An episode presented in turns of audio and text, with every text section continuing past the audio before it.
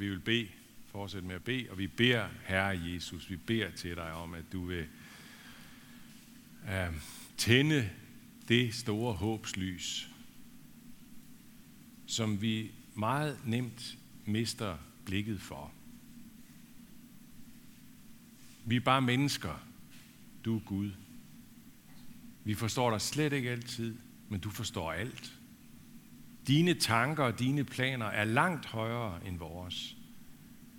Herre, giv os et syn af dig nu. Amen. Og så skal vi øh, bare blive siddende og høre det, som er evangelieteksten til den her søndag. Og det er fra Lukas evangelie kapitel 18, hvor der står sådan her. Jesus fortalte dem en lignelse om, at de altid skulle bede og ikke blive trætte. Han sagde, i en by var der en dommer, som ikke frygtede Gud og var ligeglad med mennesker. I samme by var der en enke, og hun kom gang på gang til ham og sagde, hjælp mig til min ret over for min modpart. Længe ville han ikke. Men til sidst sagde han til sig selv, selvom jeg ikke frygter Gud og er ligeglad med mennesker, vil jeg dog hjælpe denne enke til hendes ret, fordi hun volder mig besvær, ellers ender det bare med, at hun kommer og slår mig i ansigtet. Og Herren sagde, hør, hvad den uretfærdige dommer siger. Skulle Gud så ikke skaffe sine udvalgte deres ret, når de råber til ham dag og nat? Lad han dem vente, jeg siger jeg, han vil skaffe dem ret, og det er snart. Men når menneskesønnen kommer, må han så vil finde troen på jorden.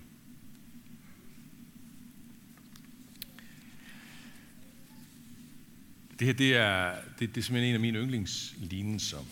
Den synes jeg rammer utrolig præcist i forhold til en meget, øh, en meget øh, omfattende troslivserfaring. Nemlig det, som, som, som er sat på som temaet i dag, øh, bøndens bagside, alle de uopfyldte bønder. Og bare det, at Jesus fortæller den her lignelse, tager temaet op og gør det ovenkøbet med udgangspunkt i det her med, øh, at alle de her bønder, som man ikke skulle blive træt af at bede. Og så, og så fortæller han den her lignelse. Alene det forhold, synes jeg, er meget øh, trøstende. Fordi det siger noget om, at Jesus vidste, at det ville melde sig som et problem hos hans disciple, det her med at kunne blive træt af at bede og bede og bede, og synes, at man bliver ikke hørt. Men det her Jesus altså været fuldstændig klar over. Så Jesus forlanger ikke åndelig råstyrke af sine disciple. Han møder os tværtimod lige der, hvor vi er. I al vores skrøbelighed og tyndhed og så videre. Men så møder han, og det er også typisk Jesus. Jeg ved ikke, om nogen af jer var der 14 dage siden til en gudstjeneste. Her var det akkurat det samme, ikke? Det var det der frygt ikke til sine disciple. Øh, og, øh, og, og, og som jo også er, øh, altså man siger, fordi han ved, at, disciple, at vi som disciple af Jesus, som kristne, sagtens skal gå rundt og være bange for forskellige ting. Frygt ikke, siger han. Men så kommer han også der, ligesom her, med noget, der, der virkelig rummer hele virkelighedens alvor og radikalitet i det her. Han sender et meget stærkt signal om risikoen ved bøndens bagside, nemlig det, mund alle har opgivet til syvende og sidst, når jeg vender tilbage. Eller som man siger, når menneskesønnen kommer, må han så vil finde troen på jorden. Altså må folk er blevet så trætte af en synlig overhørte bønder igen og igen, at troen ikke findes mere på jorden. Det er et meget, meget stærkt perspektiv på sagen. Jeg kender ingen andre steder i evangelierne, hvor Jesus siger noget lignende. men troen vil findes på jorden, når jeg kommer tilbage. Men her siger han det altså. Jesus var altså med andre ord fuldstændig klar over, hvor vanskeligt det kan være at føle sig overhørt i bøn. Han vidste, at det ville kunne skubbe troen helt ud på, på kanten af afgrunden. Men så fortæller han alligevel en lignelse, som går en helt anden vej. Som, som faktisk øh, siger det modsatte. Nemlig øh, siger noget om det med stedighed og udholdenhed i troen, og om den frugt, det kan bære, om en tro, der holder ud, selvom den bliver mødt af et nej, bliver mødt af tavshed. Han fortæller det i en type lignelse, som vi har flere af fra hans hånd eller mund øh, nemlig øh, sådan en type lignelse, hvor han sætter en ramme om fortællingen, som øh, nærmest er det helt modsatte af det, vi vil tænke om Gud og Guds rige. Og hvor pointen dermed faktisk forstærkes, fordi han så siger, hvis det kan være sådan her blandt selvoptagede, urimelige, uretfærdige mennesker, hvor meget mere kan vi så ikke regne med, at sådan er det hos Gud, som er alt andet end selvoptaget og uretfærdig. Altså når en kvinde formår til sidst at trænge igennem hos en fuldstændig umenneskelig, uretfærdig dommer, skulle vi så ikke kunne trænge igennem hos Gud. Og pointen bliver endda yderligere forstærket ved, at det er en kvinde, der er hovedpersonen i historien. En kvinde, som almindeligvis i, den, i det samfund på den tid ikke ville kunne træde ind i en retssal og føre sin sag. Overhovedet ikke. Hun har ikke taleret i en ret. Øh, men her har vi altså en kvinde, som gør det alligevel. Hun er enke. Hun har altså ikke en mand, der kan tale for hende. Hun må også have manglet en bror, eller en søn, eller en far, eller en onkel. Der er ingen mænd, øjensynligt. Så hun går ind selv, og hun gør det igen og igen. Hun bliver ved imod alle odds. Men det lykkes. Hvor meget mere så ikke hos Gud, siger Jesus så med den her lignelse. Hvor meget mere så ikke hos Gud. Så hold ud, giv ikke op.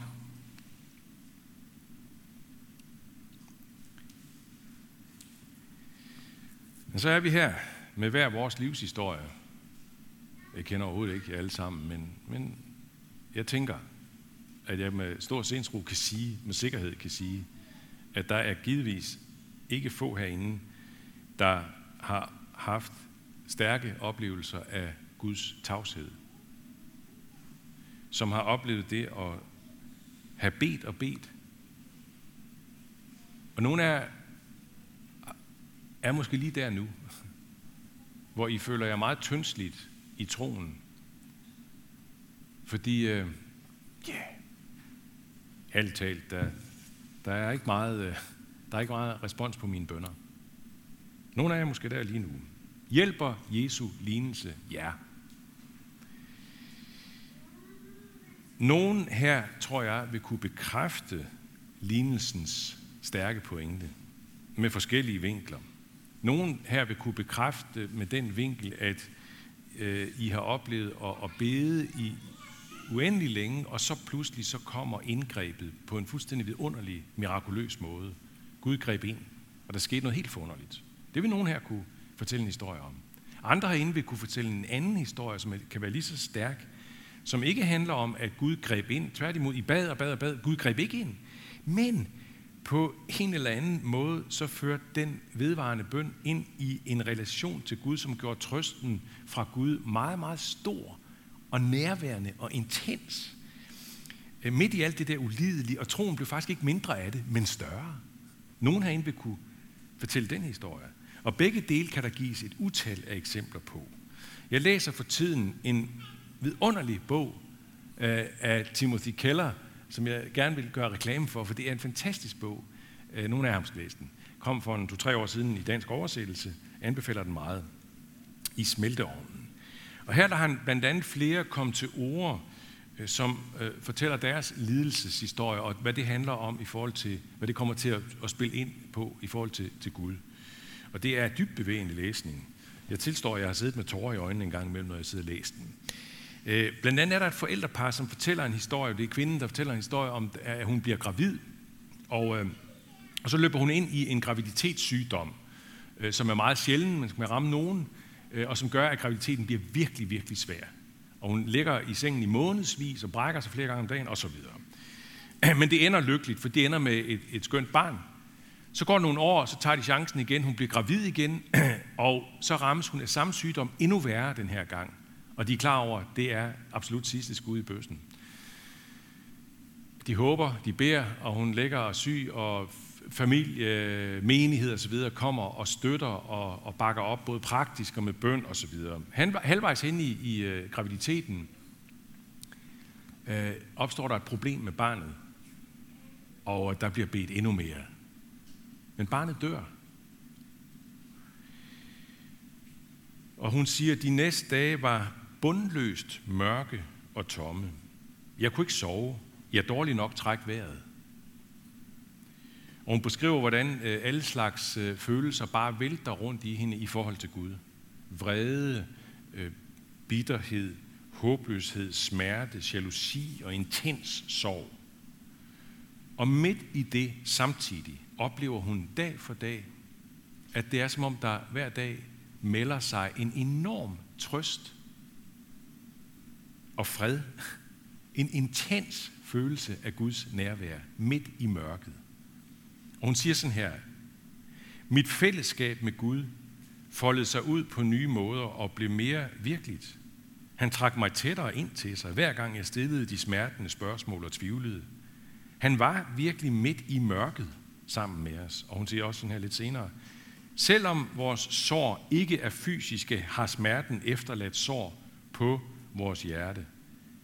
Men jeg vil gerne tænke på disse som unikke tegn på skønhed og dybde. Er det ikke mærkeligt? Og jeg kunne dynge på med vidnesbyrd af den slags, ikke bare for bogen, men i det hele taget for mennesker, jeg har snakket med igennem årene. Men, men øh, du, nu, nu sidder du her, og er måske slet ikke der, hvor du, kan, hvor du vil kunne melde dig med sådan et vidnesbyrd. Slet ikke.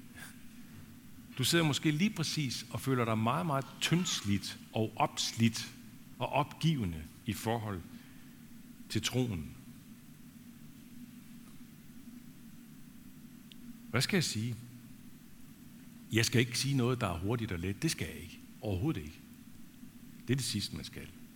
Men jeg har lyst til bare at ja, komme med et slags eget vidnesbyrd. Om en uge på søndag, næste søndag, så skal jeg med min kone op til Norge. Øh, vi skal op til en 10-års mindedag for en drukneulykke, der fandt sted i 2010. Nogle af jer har sikkert hørt om den. Faktisk blev også den her kirke, den her menighed ramt, fordi to af de fire unge mænd, der druknede, kom her, sådan som jeg forstod det. Vores næstældste søn var også med i det. Han overlevede, så jeg er sådan set ikke den, der har det stærkeste at skulle have sagt, men nu siger jeg det alligevel. I en lang periode efter drukneulykken der i 2010, der havde det sådan, at jeg havde svært ved at tiltro Gud magten og agten til at tage det helt store ansvar. Jeg kunne ikke lade være med gang på gang at tænke, øh, uanset hvordan man nu vender og drejer den der drukne historie, om hvem der havde ansvaret der, sådan, så må jeg sige, så, så, så slog det mig gang på gang, det skulle vel ikke have været svært for Gud at gribe ind over for seks unge mænd, som lå der i havet og svømmede på livet løs i timevis og råbte og råbte på Gud, for det gjorde de. Alle seks. Men der skete ingenting. Ikke andet end drukning. Mange gange efter ulykken, i lang tid efter, så tog jeg mig gang på gang i selv at holde mig i den beskedne ende, når det drejede sig om at bede til Gud. Jeg bad små bønder, bad om små ting. Jeg tænkte, det kan Gud måske klare, men ikke det store. Et par måneder efter drukneulykken, så øh, skulle jeg egentlig til Indien og Nepal. Det havde jeg for længe siden planlagt med en ven. Vi skulle ud, og vores hensigt var, at vi ville ud og møde øh, kristne, forfulgte kristne. Og øh, selvfølgelig var det meget tæt på, at, at vi aflyste den tur, men det endte med, at vi tog afsted. Og derude i Indien og Nepal, der mødte vi virkelig mange næsten druknede mennesker. En masse kristne, som mere end en gang billedligt talt havde ligget i havet i timevis og svømmet og råbt forgæves. En aften mødte vi i en landsby en kvinde, hvis mand og 10-årig søn to år forinden var blevet dræbt af nogle andre, som boede i landsbyen. Vi stod der, vi anede ikke, hvad jeg skulle sige. Vi var fuldstændig stumme. Vi mødte præster og forkyndere, som havde været udsat for korporlige overfald, som havde været udsat for brand af kirker, hjem og skoler osv. Men de her mennesker var ikke holdt op med at bede. De her mennesker var ikke holdt op med at håbe. De her mennesker var ikke holdt op med at bede store bønder. Ikke sådan, at jeg kender alles enkelte nære historie, men alligevel, det var helt klart det indtryk, vi fik, og det de fortalte os, det vi mødte hos dem. Deres bønder var ikke reduceret til små hverdagshåb. Tværtimod, selvom de altså ofte havde oplevet, at de store håb var blevet slukket. De blev ved med at bede og håbe, og det blev den første hjælpende hånd for mig i min reducerede tillid til Gud. En mor til en af de fire druknede drenge, hun gav et stort avisinterview øh, et stykke tid efter ulykken. Jeg vil gerne citere noget fra det citat der. Hun sagde sådan her. For mig har der hele tiden været en himmel over det hele. Og himlen bliver et fundament, som gør, at det hele ikke ramler sammen. Der er en Gud, som råder, og ikke en spor falder til jorden, uden at min himmelske far er med i det. Det er det fundament, som er uden for mig, men som samtidig er inde i mig. Det grundlag træder i karakter i sorgen, og jeg kan klamre mig til det. Men samtidig er jeg et ganske almindeligt menneske med alt, hvad det indebærer. Der er Gud, og der er mig. Men ude på havet bliver Gud den, som er meget stor på trods af, at vi ikke forstår, hvad der sker.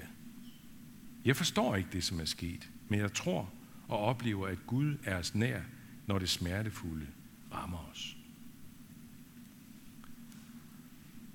Skulle Gud så ikke skaffe sine udvalgte deres ret, siger Jesus, når de råber til ham dag og nat? Lad han dem vente. Jeg siger at han vil skaffe dem ret, og det er snart. Gud skaffer os ret, siger Jesus, og det er snart. Så vi får altså alt, hvad vi beder om. Ja, eller jeg vil sige, vi får meget, meget mere, end det vi beder om. Til sidst. Snart. I evighedens lys, hvor 88 år eller 93 år, det er snart. Ved menneskesøndens komme. Og der vil jeg gerne sige noget nu til sidst, fordi her er måske i virkeligheden det, som er et, øh, et meget centralt problem, eller et, et problem, der i virkeligheden er meget omfattende for os med troen. Og det er det, at vi har, for det allermeste, så kan vi kun finde ud af at leve med det her livs horisont. Vi magter simpelthen ikke at se længere.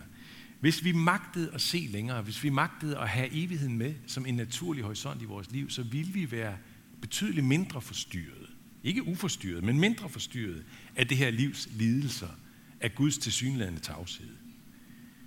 Hvis vi kunne inddrage evigheden lige så naturligt, som vi kan inddrage, ja, i morgen, eller om en måned, eller om et år, som vi jo gør. I kan, I kan I godt forstå, hvad jeg mener, ikke? Altså det her med, at man, man, man øh, øh, sidder med en, en, en følelse af, at det er simpelthen så svært nu, men ja, det kan også være, at det bliver bedre i morgen, eller øh, om en måned eller næste år, så, så er tingene sikkert forandret. Og, sådan, ikke? Og, så, og så er det som om, at det letter en lille smule i det, som er rigtig svært lige nu. Tænk, om vi kunne have evigheden som en lige så tydelig horisont. Vi siger det jo igen og igen. For eksempel, vi siger det, når vi skal om et øjeblik sige trosbekendelsen. Vi tror på kødets opstandelse og det evige liv. Vi siger det. Vi brøler det ud, når vi synger, gang på gang i den ene efter den anden sang og salme. Vi synger det på livet løs. Men hvor er det svært at have det konkret og substantielt i nuet. Det er det. Og derfor vil jeg gerne give Paulus ordet nu, for at hjælpe os. Det er jo blandt andet derfor, vi kommer til gudstjeneste igen og igen. Fordi jer, som ikke gør det, så skal I vide, det er blandt andet derfor, man kommer til gudstjeneste igen og igen. Det er for at få hjælp til at fastholde den der evighedshorisont. For den kan vi ikke fastholde sig selv. Det kan vi simpelthen ikke. Eller sådan, øh, vi, vi har jo det her, øh, den her fine øh, visionsformulering for, vores, øh, for Aarhus Bykirke, at gå sammen gennem livet, eller vandre sammen gennem livet, med udsigt til himlen. Med udsigt til himlen. Det er simpelthen så smukt sagt. Det er godt nok svært og leve op til det. Med udsigt til himlen.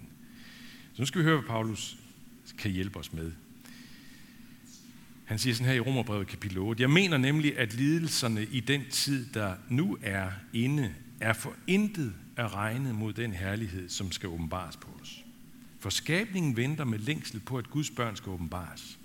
Skabningen blev underlagt tomheden. Ikke fordi den selv ville, men på grund af ham, der gjorde det, og med det håb, at også skabningen selv vil blive befriet fra trældommen under forgængeligheden og nå til den frihed, som Guds børn får i herligheden. Vi ved, at hele skabningen endnu sukker og vonder sig sammen. Og ikke alene det, også vi, der har ånden som første grøde, sukker selv i forventning om barnekår, vort lægemes forløsning. Til det håb er vi frelst. Men et håb, som man ser opfyldt, er ikke noget håb, for hvem håber på det, man kan se, men håber vi på det, vi ikke ser, venter vi på det med udholdenhed. Og så kommer der noget, en skøn slutning, som handler om bøn, og som rammer lige ind i det, som vi er inde i i dag. Og også ånden kommer os til hjælp i vores skrøbelighed. For hvordan vi skal bede, og hvad vi skal bede om, ved vi ikke. Nej, sådan kan man have det. Sådan kan man få det. Man bliver helt tavs, helt tynd i bønderne. Men ånden selv går i forbøn for os med usigelige sukke. Jeg vil gerne slutte med at synge to vers af en sang, som blev skrevet øh, måske en gang tilbage i 30'erne af en, en nordmand, Thor Ølsvig, som ikke bliver mere, mere end 38 år gammel. Han kæmpede med sygdom en stor del af sit liv. Han skrev sådan en sådan en rigtig norsk folketone sang. Store, store Gud, hvem kan dig forstå? Underlig er vejen, som du fører dine på. Men om vejen tit var trang, jeg frem til målet ser, det fagre, fagre himmel hjem. Tænk snart, så er jeg der. Jesus, løs mig mere fra hver trældomsbånd. Bliver min livs strid tung, så giv mig himlens ånd. Og lad håbet være stærkt, så gennem tåreglans jeg skue kan mit himmel hjem, min krone og min krans. Og derfor siger vi, lov, tak og evig ære. Vær dig, vor Gud, Far, Søn og Helligånd, som var, er og bliver en sand treenig Gud, højlovet fra første begyndelse nu og i al evighed.